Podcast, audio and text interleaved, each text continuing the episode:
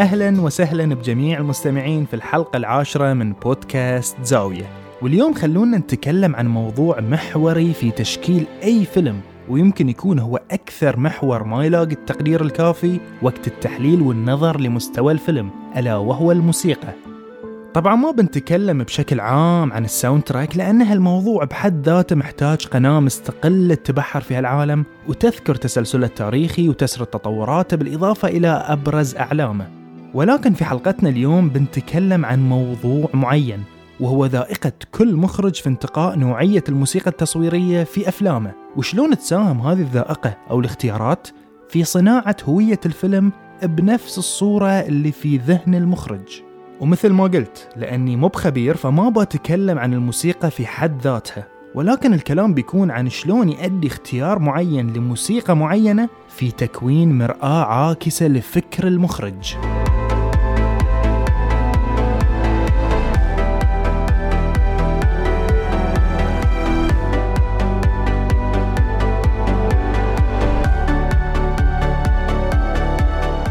ببتدي الحلقة بعبارة قالها هانز زمر وأكيد كلكم تعرفون من هو هانز زمر هانز عنده عبارة مهمة جدا يقول فيها بأن ال soundtrack يمثل 50% من أهمية الفيلم. إحنا دائما نقول شفنا الفيلم ما نقول سمعناه. ولكن شنو اللي يخلينا عقب ما نشوف الفيلم؟ ندش اليوتيوب ونسمع ألبوم الفيلم بدال لا نشوف مشاهده الجميلة. وليش دائما نفضل نعيد الموسيقى اللي يات في المشهد؟ بدال لا نشوف المشهد نفسه. هالسؤال طرحته صحيفة نيويورك تايمز ولكن بصيغة ثانية. خلال استطلاع صحفي في 2012 كان عنوانه هل تفضل المشهد بدون موسيقى أو الموسيقى بدون مشهد؟ والاكتساح كان للشق اللي يفضل الموسيقى بدون مشهد. وأغلب هالإجابات كانت تتجه إلى أن الموسيقى تصنع مشاعر. ولكن هل الفيلم ممكن يطلع بمشاعر بدون هذه الموسيقى؟ وهذه بروحها سؤال جدلي محتاج مناقشة مطولة. لذلك بنتكلم في هالحلقة عن اتجاهات المخرجين في اختيارات الموسيقى وشلون هذه الاتجاهات تقدر تعطينا انطباعات مختلفة لكل مخرج بطريقة تقاطع مع الإجابة عن السؤال السابق وبالتحديد عن العلاقة بين أربعة متغيرات رئيسية أولها المشهد السينمائي وثانيها الموسيقى.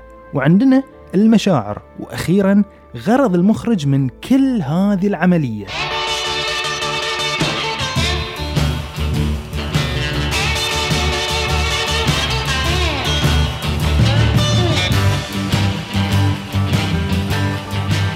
مثل ما في مدارس حق ال soundtrack في مدارس أيضا حق اختيارات ال soundtrack وخلونا نبتدي في البداية مع المدرسة اللي تعتمد على الذاكرة. والقصد بالذاكرة هني هي المدرسة اللي تعتمد على ذوقها الشخصي وما تعتمد على التأليف الموسيقي الأصلي. وأبرز رواد هذه المدرسة بدون شك مارتن سكورسيزي وكوينتن تارانتينو. والفارق بين الاثنين هو أن اختيارات سكورسيزي أمريكية بحتة ودائما ما يوظفها بشكل في غاية من التميز. والسبب عائد إلى مونتاج أفلامه اللي يفرض عليه هالنوع من الأغاني. واللي ساعده في هالاختيارات هي عبقرية المونتاج ثيلما شونميكر. ثيلما هي أكثر شخصية تناسب مارتي لذلك هو ما يستعين بأي ممنتج غيرها لأن فوق مهاراتها المذهلة في المونتاج وفصل اللقطات عندها تذوق رهيب للأغاني الأمريكية وعشان نتعرف على ذوقه في اختيار ال soundtrack خلونا نسمع هالمقطع There is a house in New Orleans. They وعندنا كذلك الأغنية اللي طلعت في ثلاثة مشاهد في فيلم Wolf of Wall Street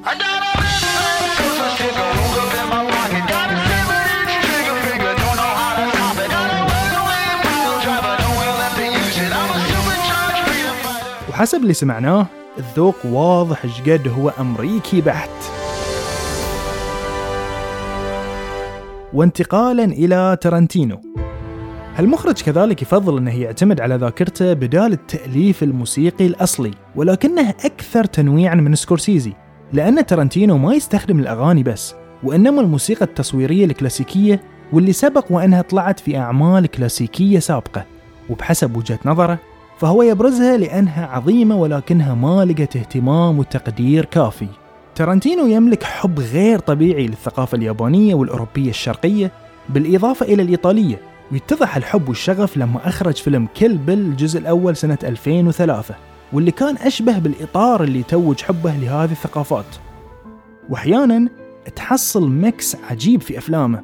تحصل موسيقى إيطالية ويابانية وروسية وأمريكية في ما لا يقل عن نص ساعة. لو في أي فيلم ثاني ممكن تكون هذه مجازفة توديك مباشرة إلى الفشل لأن اللوبيات النقدية في هوليوود تعتبر هالنوع من الاستخدام الموسيقي عبث ونوع من الفوضى. ولكن أنت لما تتكلم عن تارنتينو حط في بالك بتشوف فيلم مجرد عن كل خبرات سينمائية عندك. هالمخرج يشكل استثناء في كل شيء. خلونا مثلا نسمع هالموسيقى اللي استخدمها بفيلم كيل بيل بالجزء الأول واللي تحولت بعدين إلى موسيقى أيقونية صرنا نسمعها بكل مطعم وكوفي شوب نروحه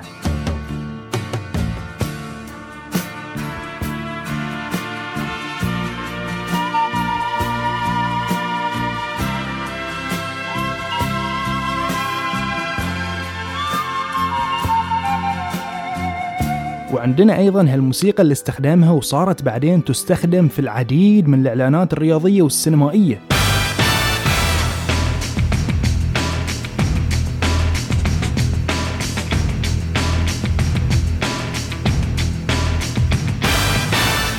وننتقل من تارانتينو إلى كريستوفر نولان. كريس يعتمد في كل أفلامه على ال Shepard tone وهذه تقنية تخدع العقل البشري. لأنك من تسمعها يخيل لك أن رتم الموسيقى يرتفع ويرتفع ويرتفع بدون نهاية مثل هالمقطع.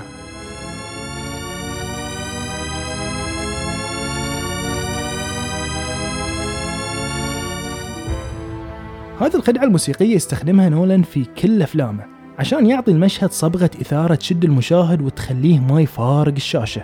والموسيقى دائما تخليه يتخيل إنه بيوصل لنهاية معينة.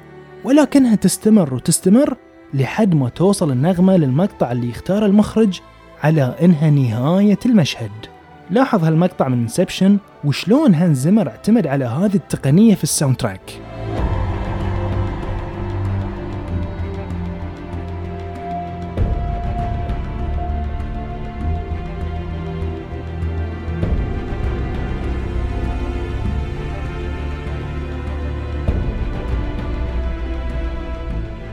وفي المقطع السابق ترى نفس الموسيقى تكرر لمدة دقيقتين ونص ولكن مخنا يصور لنا أن الرتم قاعد يتصاعد وهو فعليا على نسق واحد تماما. عندنا أيضا هالمقطع في Interstellar لما كان كوبر على كوكب ميلر.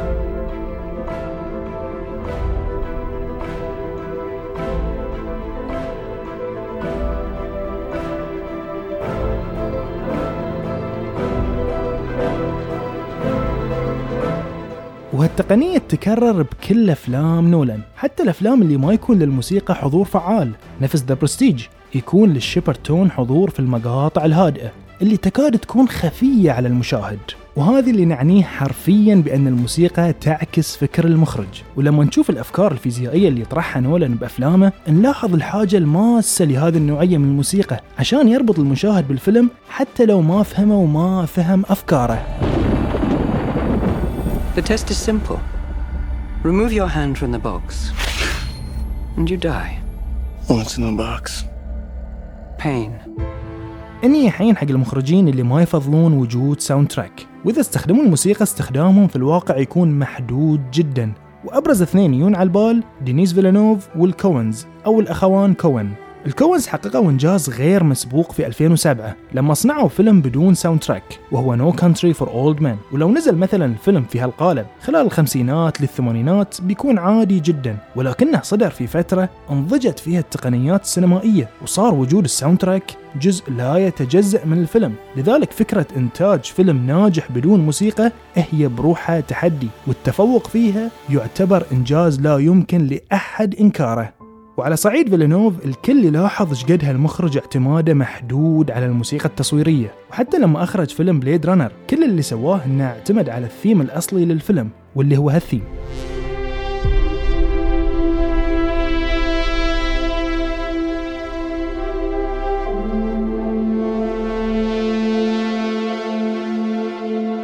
صحيح في ألبوم Blade Runner عدة مقاطع ولكن لو دققت فيها بتلاقيها هادئة جدا. ويكاد ما يكون لها ظهور فعال في الفيلم وهذه راجع إلى النمط اللي اتبعه فيلنوف في أفلامه وهو أن أفلامه تكون مهووسة بالبناء الدرامي للشخصيات طبعا على حساب باقي عناصر الفيلم السينمائي. اعتماد هالثلاثة على ال soundtrack يكاد يكون معدوم والسبب هو هوسهم بالتعمق في الشخصيات والقصة وهذه عموما راجع إلى رؤاهم الخاصة.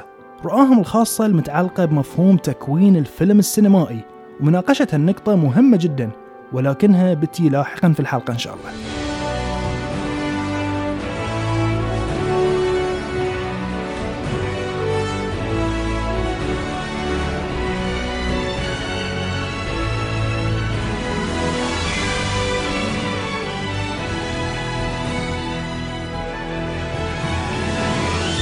وعندنا مدرسة أخرى وهم المخرجين اللي يفضلون استخدام الموسيقى التصويرية الشاعرية. وهم الشريحة الأكبر سينمائيا اليوم. وبركز على اثنين بالتحديد من جيلين مختلفين وهم جيمس كاميرون وداميان شازيل. هالمدرسة تفضل دائما أن تكون الألحان المستخدمة في أفلامها شاعرية مهما كان الفيلم جاد ومهما كانت أحداثه ما تنتمي للشاعرية بصلة. وخلونا ناخذ مثال جيمس كاميرون مع سلسلة Terminator. كاميرون كان أمام معضلة كبيرة جدا أثناء تقديمه لعالم فيلم Terminator. الفيلم يتكلم عن روبوت يبتعث من المستقبل إلى الماضي لقتل أم زعيم المقاومة المستقبلي.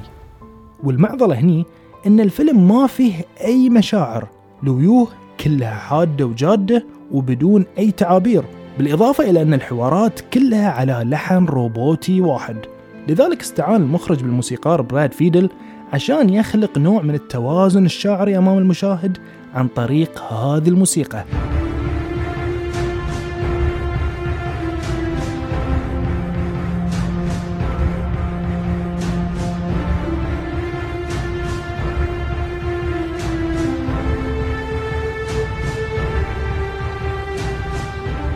وحديثا كنا محظوظين جدا بالتعرف على مخرج جديد في عالم السينما اللي هو دامين شازل اللي انشهر شهرة كبيرة بعد فيلم المشهور La La Land.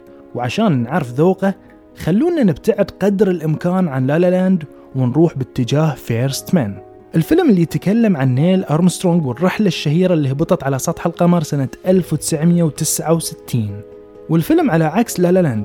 كان وايد سوداوي وأجواءه مشحونة وكئيبة لأنه كان يعتمد بالدرجة الأولى على حالة نيل أرمسترونغ النفسية المعقدة. وهذه سبب رئيسي من أسباب نفور الناس من الفيلم لأنه غاص بشكل غير طبيعي في شخصيته الرئيسية عشان يراوي المشاهد مرحلة الكآبة اللي كان يمر فيها بعد وفاة بنته. الفيلم يعتمد على ثيم واحد وهالثيم تغير هويته وشاعريته بحسب توزيعه الموسيقي. لاحظ مثلا هالمقطع.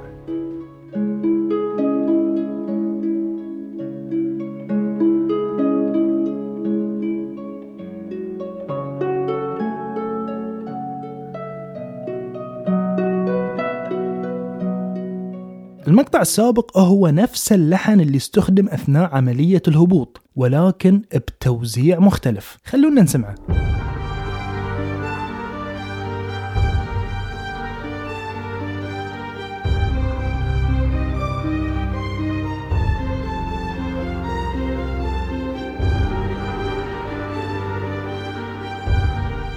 First Man فيلم ممتاز ولكن لا تتوقع أنك بتشوف فيلم سيرة ذاتية طبيعي اعتيادي. يمكن رتمه يرهقك نفسيا كمشاهد لكنك بتشوف فيلم سيرة ذاتية غير مسبوق. مو بعظيم ولكنه غير مسبوق.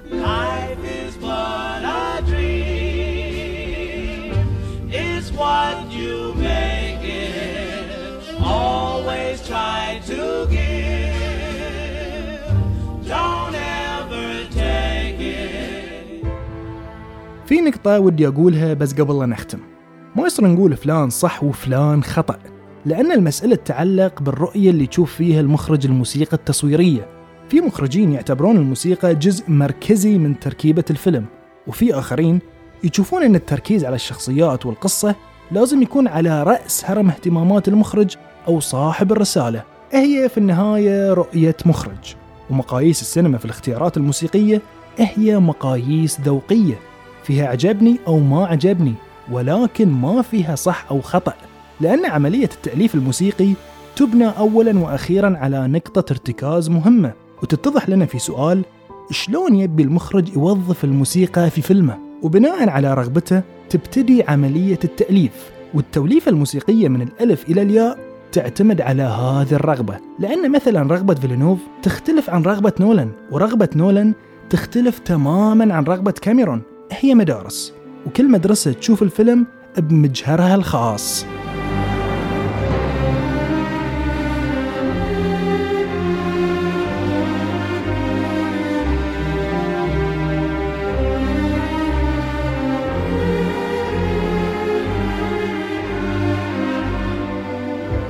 وصلنا الآن إلى الختام.